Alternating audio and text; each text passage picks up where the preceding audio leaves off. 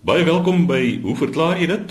Ons gaste vanoggend is professor Henk Geertsma, entomoloog en Lefras Meton, sy kollega herpetoloog. En Henk, ons gaan by jou begin. Jy het 'n hele klompie navrae oor mure en bye ontvang. Dis reg kollegas, dag luisteraars. Ek het hier 'n lang brief van Gustaf Pinaar van Vleisbaai hierso by Mosselbaai.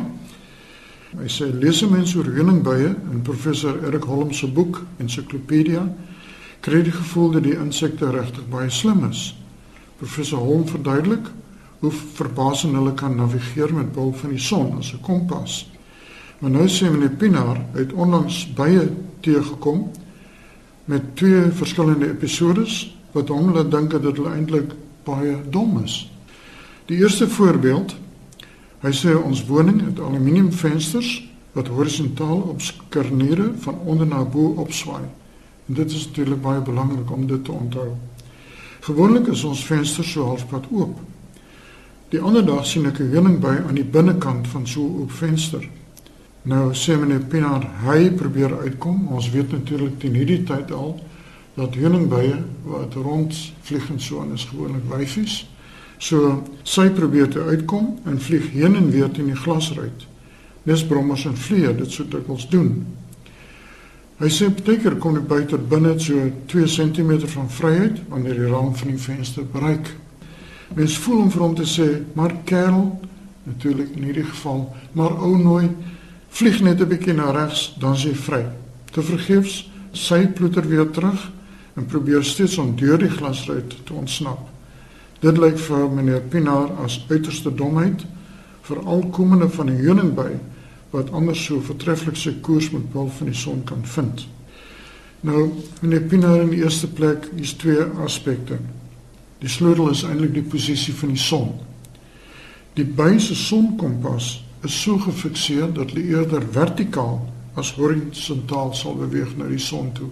Onder die son vertikaal lê. Die son lê nie horisontaal nie.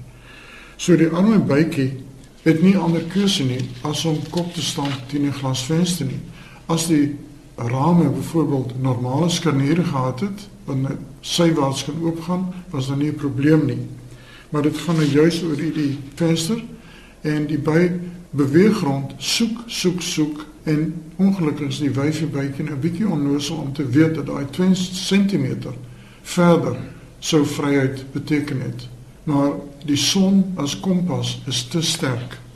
Henk, ek dink dit is seker ook belangrik om net te onderskei tussen intelligensie en ingebore instink. Ja. En dit is hierso dat by die situasie uitkyk en nou neem hy besluite. O, daar ek moet bietjie links gaan of so nie. Hulle dis net instink wat hulle op reageer. Ja. Dit bring my by die tweede aspek van meneer Pinaar se vraag. Nou Hy sê ons kinders het vir hom 'n bottel gegee wat 'n mens met gekleurde suikerwater kan vul om dan suikerbekkies by die huis te lok. Nou sê dis baie oulik om dit so te hê en hy het hier ook 'n paar foto's gestuur. Maar nou sê onlangs sien ons dat daar nou skielik heuningbye is wat met die suikerbekkies meeding vir die suikerwater. Soveel so dat die bye telkens die oorhand kry. Dan word die arme suikerbekkies kan nie bykom nie. En wat nou gebeur is dat die bye verstop as dit ware die opening van die bottel. So selfs die bye kan amper nie meer bykom. So dis hele gedrommery eintlik van die bye. Dan sê en steeds was er rondom die bek van die bottel talle bye wat saamgekook het in 'n poging om by die suikerwater te kom. Dit lyk weer eens vir my baie dom. Kan hulle nie sien dat die verdrinkingsdood binne in die bottel wag nie? Immers dan dryf baie dooie kamerade bo in die bottel rond en hy stuur weer 'n foto om dit te illustreer. Die wat nou daar binne dryf het, het diep in die bottel gekyk. Jy kan dit so sê, miskien is daar al 'n bietjie gisting in die gang in die suikerwater. Nou vra my net Pinaar twee vragies. Is dit sleg vir suikerbekkies om hulle te bederf? Nou ek is nie 'n voelkundige nie, maar ek voer self suikerbekkies in my tuin. En meneer Pinaar gebruik 'n konsentraat van 1 koppie suiker op 2 koppies water. Nou dit lyk vir my dis 'n redelike dik stroop. En ek dink amper suikerbekkies in die natuur gaan nooit so hoë suikerkonsentrasie kry nie. So dit is 'n bietjie onnatuurlik. En Jy sal ook natuurlik weet suikerbekkies drink redelik baie water. En die water wat hulle drink is eintlik om hulle suikerinname te reguleer. So ek dink die arme suikerbekkies is so vol soetheid dat hulle verdwyn om 'n bietjie water in die hande te kry. Maar die tweede vraag sê, wanneer die heuningbye die suikerwater ontdek, neem die suikerbekkies die wyk en roep om hulp vanaf die telefoondraad. Nou waarom sou die bye vir hulle bedreiging wees? Nou, in die eerste plek, dis net die groot getalle en die saamdromming van die bye. Suikerbekkies is redelike sensitiewe voeltjies. En as daar so 30 bye by dieselfde suikerpot rondbrom, dink ek nie 'n suikerbekkie is geïnteresseerd nie. En dan sê is dit dalk omdat bye nie sal skroom om die suikerbekkies aan te val en die mededing stryd nie. Dit is wel moontlik, maar ek dink nie 'n by gaan maklik 'n suikerbekkie kan raaksteek nie. Hulle is vinnig. Bye ook, maar suikerbekkies vinniger. Maar nou, kom ons terug by die tweede voorbeeld van die dom bye. Met ander woorde, hulle gaan in vir 'n verdrinkingsdood. Maar eintlik is hulle nie dom nie, hulle is net baie baie baie gehoorsaam. Werkerbye leef vir so 6 weke. Nou hulle lewensduur word in drie duidelike periodes opgedeel. Die eerste 2 weke neem hulle die verkenner posisie in. Met ander woorde, hulle verlaat die nes vroeg in die oggend op soek na bronne van stuifmeel of nektar. Na so 2 weke is hulle gou al 'n bietjie uit en nou word hulle die versamelaars. So vir die volgende 2 weke is hulle nou die versamelaar bye wat dan in die nes die boodskap kry van die verkenners met behulp van die bye dans in die rigting waarna hulle moet vlieg en hoe ver hulle moet vlieg om die bron van die suikerwater of nektar en of stuifmeel in die hande te kry. Dan die laaste 2 weke van hulle 6 weke lewens word gespandeer binne in die korf self waar hulle dan besig is met die grootmaak van die kleintjies en so aan. Nou die boodskap wat hulle kry is om daai bepaalde rigting te gaan soek en dan die bepaalde suikerwater te gaan haal. Niks gaan hulle afwyk van daardie opdrag wat hulle gekry het in die korf nie.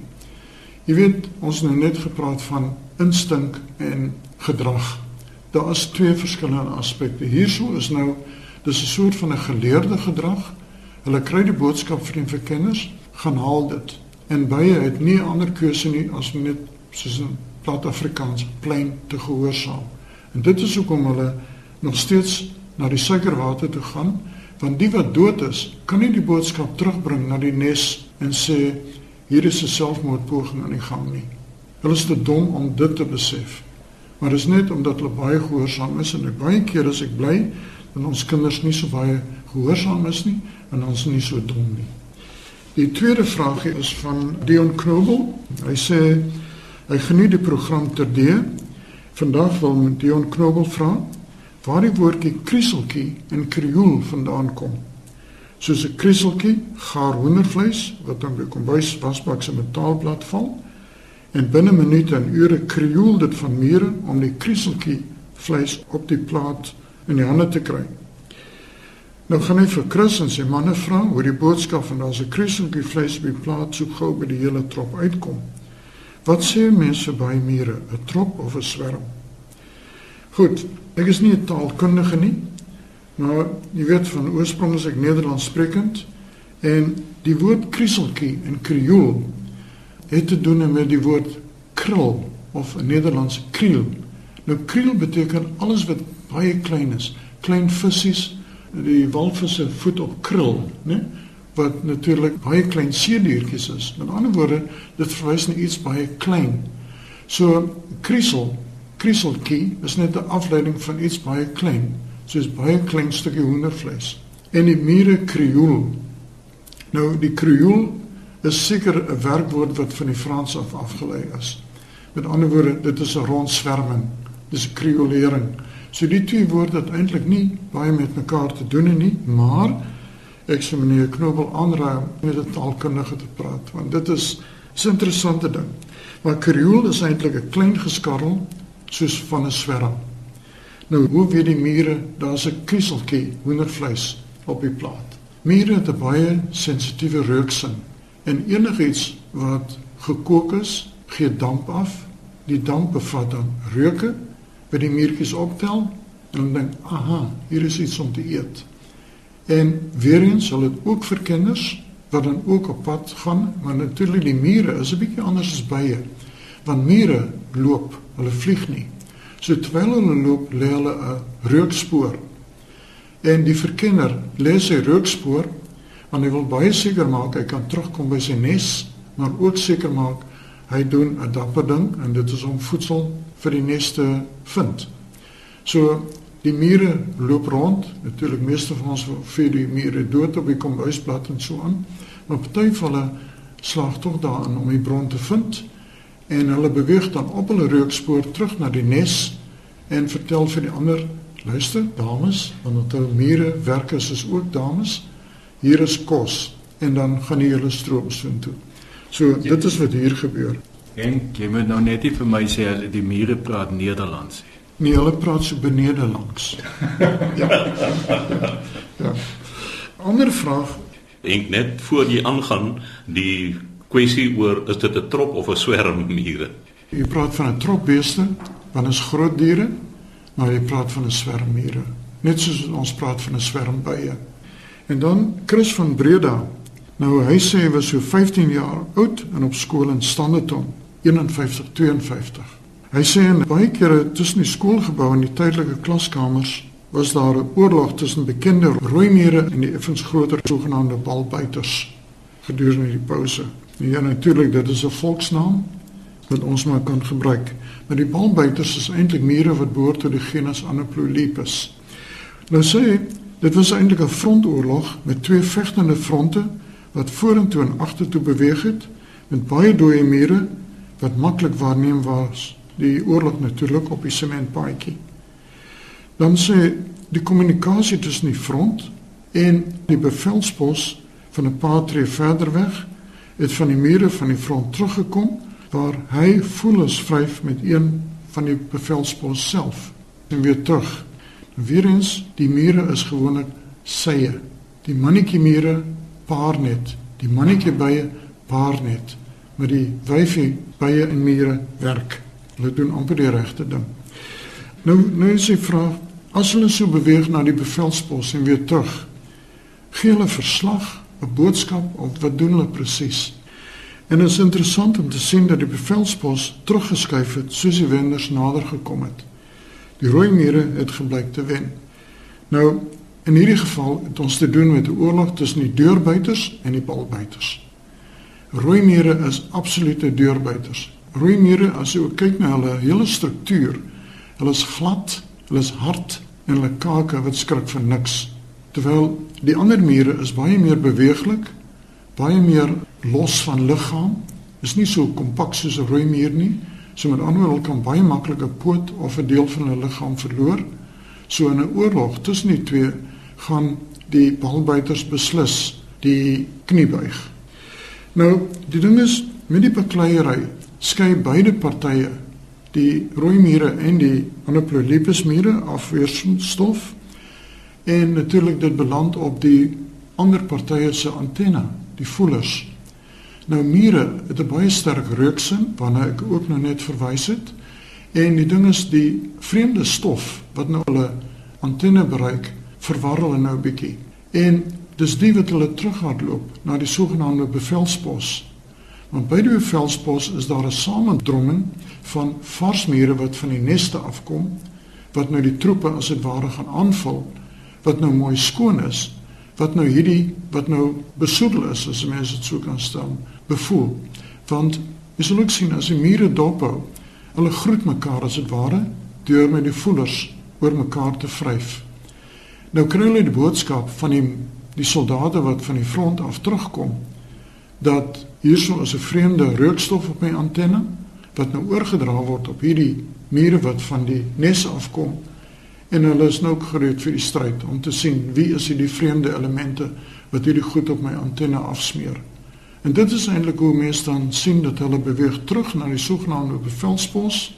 Maar bevelspos is 'n sentrale groepering of swerming, soos nou net gesien het waar die soldate van die front af terugkom, maar die varssoldate ook na die front toe beweeg.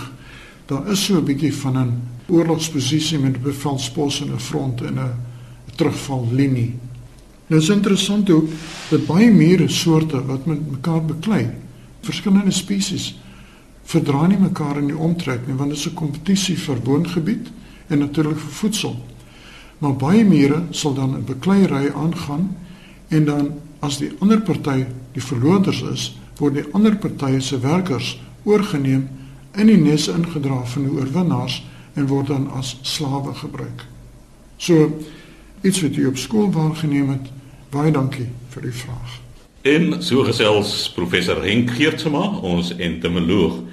Lefras, 'n luisteraar wil weet hoekom lê sekere diere eiers terwyl ander hulle kleintjies lewendig kry. Chris, ja, ek dink oor die jare het ons al baie aandag gegee aan hierdie spesifieke vraag, maar dit is dit is so 'n interessante vraag en mens kan dit van soveel verskillende kante benader dat ja, ek dink is elke keer eintlik 'n nuwe storie om te vertel. Dit is Marie van der Merwe. Sy skryf die gewone tuinverkleemannetjie. Sy bly in Kaapstad, so ek aanvaar dit is dan ons Kaapse dwergverkleemannetjie wat sy na verwys. Die skenk direk geboorte aan kleintjies in hakies, lê nie eiers nie. Maar daardie groot verkleemmannetjie wat in Namibië voorkom, lê weer eiers. So is daar blykbaar ook sommige slange wat direk geboorte gee terwyl ander weer eiers lê. Hoe werk dit? Met ander woorde, watter faktore bepaal of 'n spesies nou eiers lê of direk geboorte gee? Dit is 'n baie baie baie interessante vraag. Die algemene of die wetenskaplike terme wat ons gebruik vir spesies wat eiers lê, ons noem hulle ovipare, hulle is ovipare diere en die wat dan nou lewendbarend is, Ek wil altyd sê lewendig kleintjies kry. Jy sou dink dat kleintjies moet lewendig wees as hulle gekry word. Ons sê daardie spesies is vivipar. Nou is dit eintlik met die hele diereryk is daar diere wat lewendbarend is en ander wat eiers lê. Dit kom baie wyd versprei voor. Maar daar is sekere groepe so skilpaaie byvoorbeeld. Alle skilpaaie op die aarde lê eiers. So daar's een of ander rede daarvoor. Dan krokodille, al die krokodilagtiges lê eiers. Omtrent 99% van alle geitjies lê eiers en hulle lê interessant genoeg net twee eiers. En natuurlik voëls, groot belangrike groep, alle voëls lê eiers. Wat en dit baie snaaks is want as mens dink dat voëls is warmbloedig, hulle sou dus baie kon voordeel trek deur die eiers binne te hou en die liggaam hitte gebruik om die embrionale ontwikkeling te laat plaasvind, soos wat by soogdiere die geval is. Die meeste soogdiere is lewendbarend. Daar's een of twee spesies van primitiewe soorte wat wel eiers lê. So die mense moet onthou daar is soogdiere wat eiers lê ook. Hulle is nie almal lewendbarend nie. Terwyl ons daaroor praat, sou dit nie lekker gewees het as die mens ook eiers gelê het. Ek dink net maar aan die aan die aan die vrouens want dan sou die mans kon help ook op die eiers te broei en die vrou kan bietjie gaan gaan inkopies doen en weet verdeling van werk. Lefras kan ons nie maar liewer stem oor daardie kwessie nie. Terwyl ons daaroor praat, dit is juis een van die voordele van by voëls hoekom hulle eiers lê dat die mannetjies ook betrek word by die hele grootmaak want vlug is duur by voëls en Dus lê hulle klein eiertjies in die meeste gevalle en daar word nou gebroei op die eiers en die, as die eiers uitbroei word die kleintjies grootgemaak en die mannetjies help met daardie take. By soogdiere by baie soogdiere die mannetjie paar net en dan verdwyn hy van die toneel af en die vrou sit met al die harde werk. So die mannetjie voel eintlik veer. Dit is interessant genoeg by die voëls voel die mannetjie nie vere nie, maar by die soogdiere voel die barretjies vere. Interessant. Nou waar lê al hierdie diere hulle eiers? Hulle vra net voor jy aangaan, wat gebeur met slange? Lê hulle almal eiers of kruip party van hulle hulle kleintjies lewendbaar? Marie van der Merwe is heeltemal korrek. Daar's baie slange wat lewendig kleintjies kry en daar's baie slange wat eiers lê. Interessant. Ek het bietjie gaan krap want ek hierdie navraag kry te dink ek jare gelede, dit was 1999 toe daar hierdie interessante brief gekom oor 'n slang. Ek gaan net so 'n klein stukkie lees. Dit was geskryf deur meneer J.G. Smith van Ottosdal 1999. Hy sê dit's nou die skoonpa het dit nou vertel dat daar was 'n pofadder baie groot en dik en die het elke dag uit 'n meerkatgat uitgekom en in die son gelê. Op 'n dag het hy weer in die son gelê en toe het 74 kleintjies deur hom gevreet van binne af dat net die vel daar bly lê het en die kleintjies spat toe in alle rigtings. 'n Ander oom met ook 'n pofadder by 'n meerkat dorp sien lê. Hy skiet hom toe met die koelgeweer dat daar net kleintjies spat. nou dit is 'n baie interessante waarneming en dit is al voorheen het dit het ook gehoor dat mense sien 'n slang wat kleintjies kry en dan lyk dit of die kleintjies van binne af uit eet want die kloake van die slang is mos nou nie heel aan die agterkant hê. Dit is so 'n entjie van die agterpunt af en nou peel die kleintjies daar uit by die kloake en dit lyk letterlik of hulle van binne af die vreet. En natuurlik eh, pofadder kan baie kleintjies kry tot 100 of meer. As daai klomp kleintjies uit is, dan gaan dit lyk soos 'n papvel wat daar lê die arme ma. So ovipariteit om eiers te lê is die primitiewe toestand. En ek wil nou eintlik net die gesprek beperk tot ons landwerweldiere. Toe die diere van water na land toe gegaan het, het hulle eiers gelê. Dit was een van die voordele om op land te kom eet, want die eiers moes nog aanvanklike water gelê word. Maar op 'n later stadium het die eiers sekere membrane ontwikkel. Ons praat van die amnioot eier het ontwikkel en toe kon die eiers op land gelê word. En dit is toe nou op 'n stadium die vroegste diere van die reptiele het natuurlik as dit die klimate weet ons verander baie as dit bietjie koud word dan vind eiers dit moeilik om uit te broei op land want as die temperatuurskommelinge is hoog eiers word mos maar onder die grond gelê of in klipskeure en dan sou dit voordelig wees vir spesies om die eiers langer binne in die lyf te hou en dan die gedrag Daardie diere was almal ektoterme. Hulle kon dus deur gedrag nou in die son gaan sit en bak en dan help dit embrionale ontwikkeling aan. So by reptiele, die ektoterme diere wat van uitwendige hittebronne gebruik maak, hoofsaaklik die son, vind mens dat vivipariteit baie baie kere onafhanklik ontstaan het. Klomp kere in elke groep van die slange en die akedisse is daar maar 'n vivipare forme. En dit is omdat wanneer daar koue klimate was dan gebeur dit. En ongelukkig as dit eers gebeur het, dan kan dit nie weer terugskuif nie. As 'n ding eers lewendbaar geword dan kan hy net terugskuif en nou weer eiers lê nie want die hele die hele fisiologie verander. Kyk as mos dokkliere en alle goed is daai goed eers verlore is, dan is dit weg.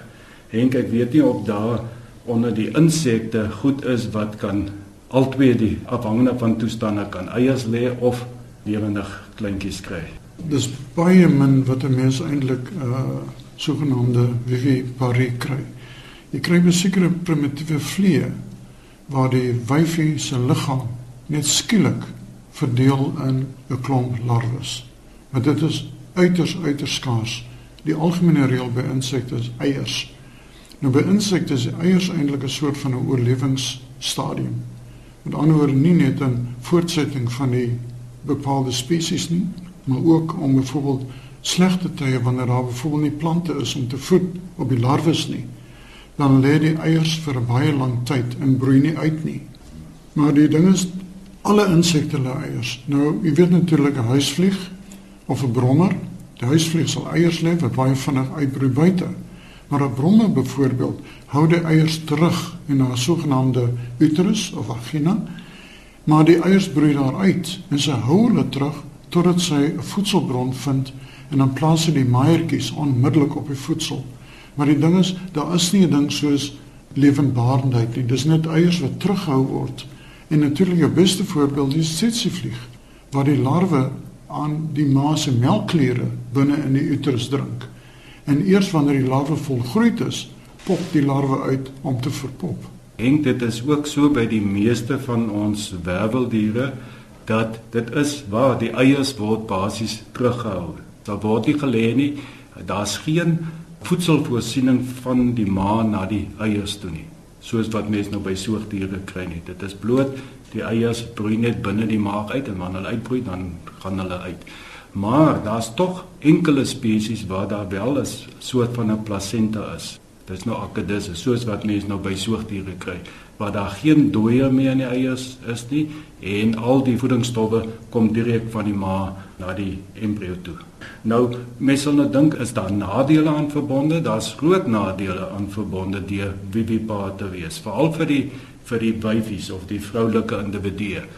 Want hulle gaan nou, mense kan dink normaalweg sou die wit halogenese die eiervorming sal nou 'n maand of 2 of 3 duur en daarna word die eiers gelê net na bevrugting word die eiers gelê maar met vivipariteit moet daai eiers gaan nou nog vir nog 3 of 4 maande binne in die wyfie moet bly so sy moet nou die hele tyd met daardie gewig rondloop en dit kan 'n redelike aansienlike gewig wees wat aktiwiteit beperk. So dit is een van die groot nadele van vivipariteit. Een van die primitiefste akedisse is seker die tuatara svenodon wat daar by Nieu-Seeland voorkom op die eilande daarso. Mense sal nou dink aan daardie koue omgewing moet hulle vivipar wees, maar hulle lê eiers en daardie eiers kan van 12 tot 15 maande vat om uit te broei net die produksie van die eiers deur die wyfie kan 1 tot 3 jaar neem. Net om die eier te produseer. Net om die dop te vorm om die eier tot 7 maande. So die wyfies plant net elke 5 jaar voort as gevolg van die lae temperature. Dit so daar moet een of ander iets wees wat keer dat uh, hulle nie vivipar geword het. Dit is 'n baie primitiewe spesies soos ek sê. So dan ja Daar is nog so baie om te praat. Chrissy, ons moet klaarmaak. Ja, ek wonder, ek sou nog altyd daarvan gehou het as die mens ook eierland was. Ek dink dit sou baie opwindend gewees het. nou ja, Lefras, ek hoop jou droom word eendag waar. Maar daarmee het ons ongelukkig aan die einde gekom van vandag se program. Jy is welkom om te skryf aan hoe verklaar jy dit? Posbus 2551 Kaapstad 8000 of stuur 'n e-pos aan chris@rsg.co.za